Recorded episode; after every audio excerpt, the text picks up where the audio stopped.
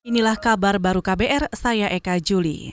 Saudara Presiden Joko Widodo mengancam bakal memecat pejabat TNI atau Polri yang wilayahnya terdapat kebakaran hutan dan lahan atau karhutla yang tidak bisa disampaikan. Ini kembali dikatakan Jokowi hari ini ketika membuka rapat koordinasi nasional Karhutla di Istana Negara. Ancaman ini sebelumnya pernah ditekankan Jokowi beberapa kali. Moga-moga masih pada ingat, yang lama-lama mungkin ingat, tapi yang baru mungkin belum tahu. Khusus untuk TNI dan Polri, yang wilayahnya ada kebakaran, hati-hati pangdamnya, hati-hati kapoldanya, hati-hati danremnya, hati-hati dandimnya, hati-hati kapolresnya tegas-tegas saya sampaikan, pasti saya telepon ke Panglima, ke Kapolri, kalau ada kebakaran di wilayah kecil, agak membesar, saya tanya pasti dandimnya sudah dicopot belum. Kalau sudah membesar, pasti saya tanyakan, Pangdam sama Kapoldanya sudah ganti belum. Presiden Jokowi juga menambahkan, pencopotan berlaku sejak 2016 hingga sekarang.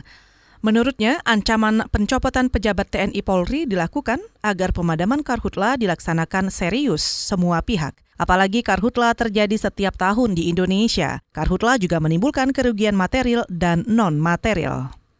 Kita ke soal korupsi. Kepolisian tidak menargetkan penangkapan tersangka suap pergantian antar waktu anggota DPR Harun Masiku yang saat ini masih buron.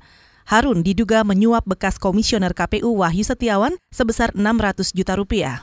Suap itu ditujukan agar Wahyu Setiawan menetapkannya sebagai anggota DPR terpilih melalui mekanisme pergantian antar waktu. Juru bicara Mabes Polri, Argo Yuwono mengatakan kepolisian akan menemukan dan menangkap Harun Masiku secepatnya. Jadi kita ada kasus lama juga ada kasus baru ya. Kita menentukan kasus suatu kasus pun juga tidak bisa ya di situ ya. Jadi seperti seperti membuat nanti tanggal sekian kita bisa bisa nyelesain kasus ini kita belum bisa ya. Semuanya kan tergantung kita kan ada waktu ya yang harus kita lalui. Kemudian juga ada artinya ada waktu hari dan sebagainya kita tetap berjalan ya kita koordinasi dengan KPK kita kan membantu pak kita membantu membantu ya. Tentunya KPK kan juga berjalan juga. Kita membantu.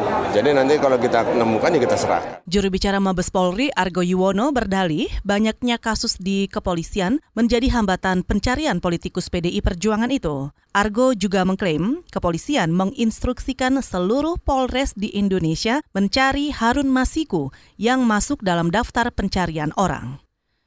Saudara Wakil Ketua MPR Zulkifli Hasan kembali mangkir dalam pemeriksaan KPK terkait kasus pengajuan revisi alih fungsi hutan di Provinsi Riau pada 2014 silam.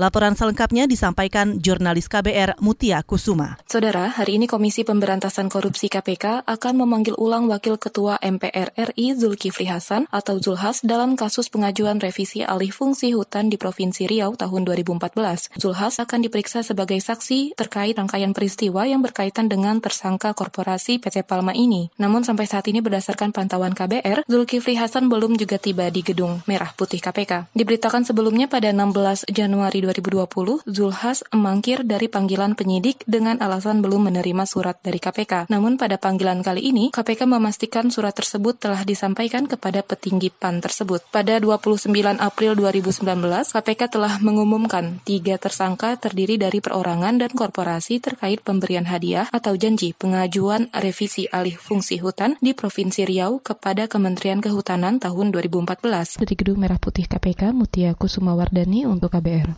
Saudara Ketua Dewan Perwakilan Amerika Nancy Pelosi menegaskan Presiden Donald Trump tetap menjadi ancaman besar bagi demokrasi di negaranya, meski Trump dibebaskan dari pemakzulan oleh Senat. Pelosi mengecam hasil sidang pemakzulan di Senat yang menyatakan Trump tidak bersalah atas dugaan penyalahgunaan kewenangan dan menghalangi penyelidikan Kongres. Pelosi juga menyebut Trump dan Senat dari Partai Republik telah melegalkan pelanggaran hukum dan menolak sistem checks and balances dalam konstitusi. Senat juga memutuskan tidak memakzulkan Trump dengan perolehan suara 52 lawan 48. Saudara demikian kabar baru, saya Eka Juli.